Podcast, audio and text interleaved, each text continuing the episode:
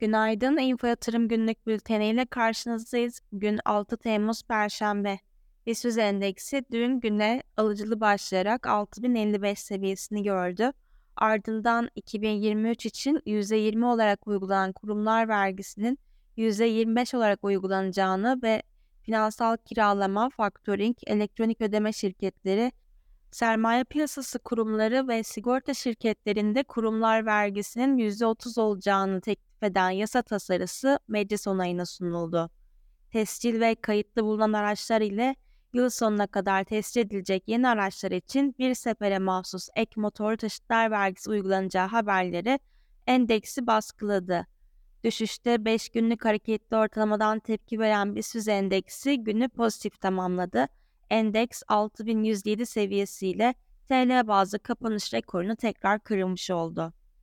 Dün ayrıca enflasyon verisi de açıklandı. Haziran ayında tüfe %4,8 olan beklentilerin altında %3,92 oranında artış gösterirken yıllık bazda tüfe Mayıs ayındaki %39,59 seviyesinden Haziran ayında %38,21 seviyesine geriledi.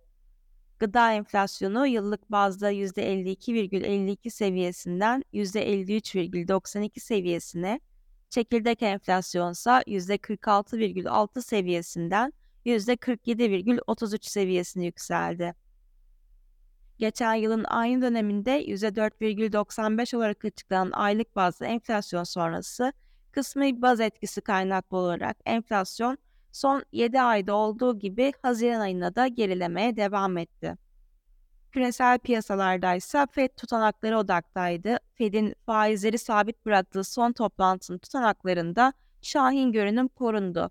Yıl sonuna kadar Fed'in iki kez 25'er bas puanlık faiz artırması bekleniyor. Bugün ABD tarafında ADP tarım dışı istihdam verisi takip edilecek.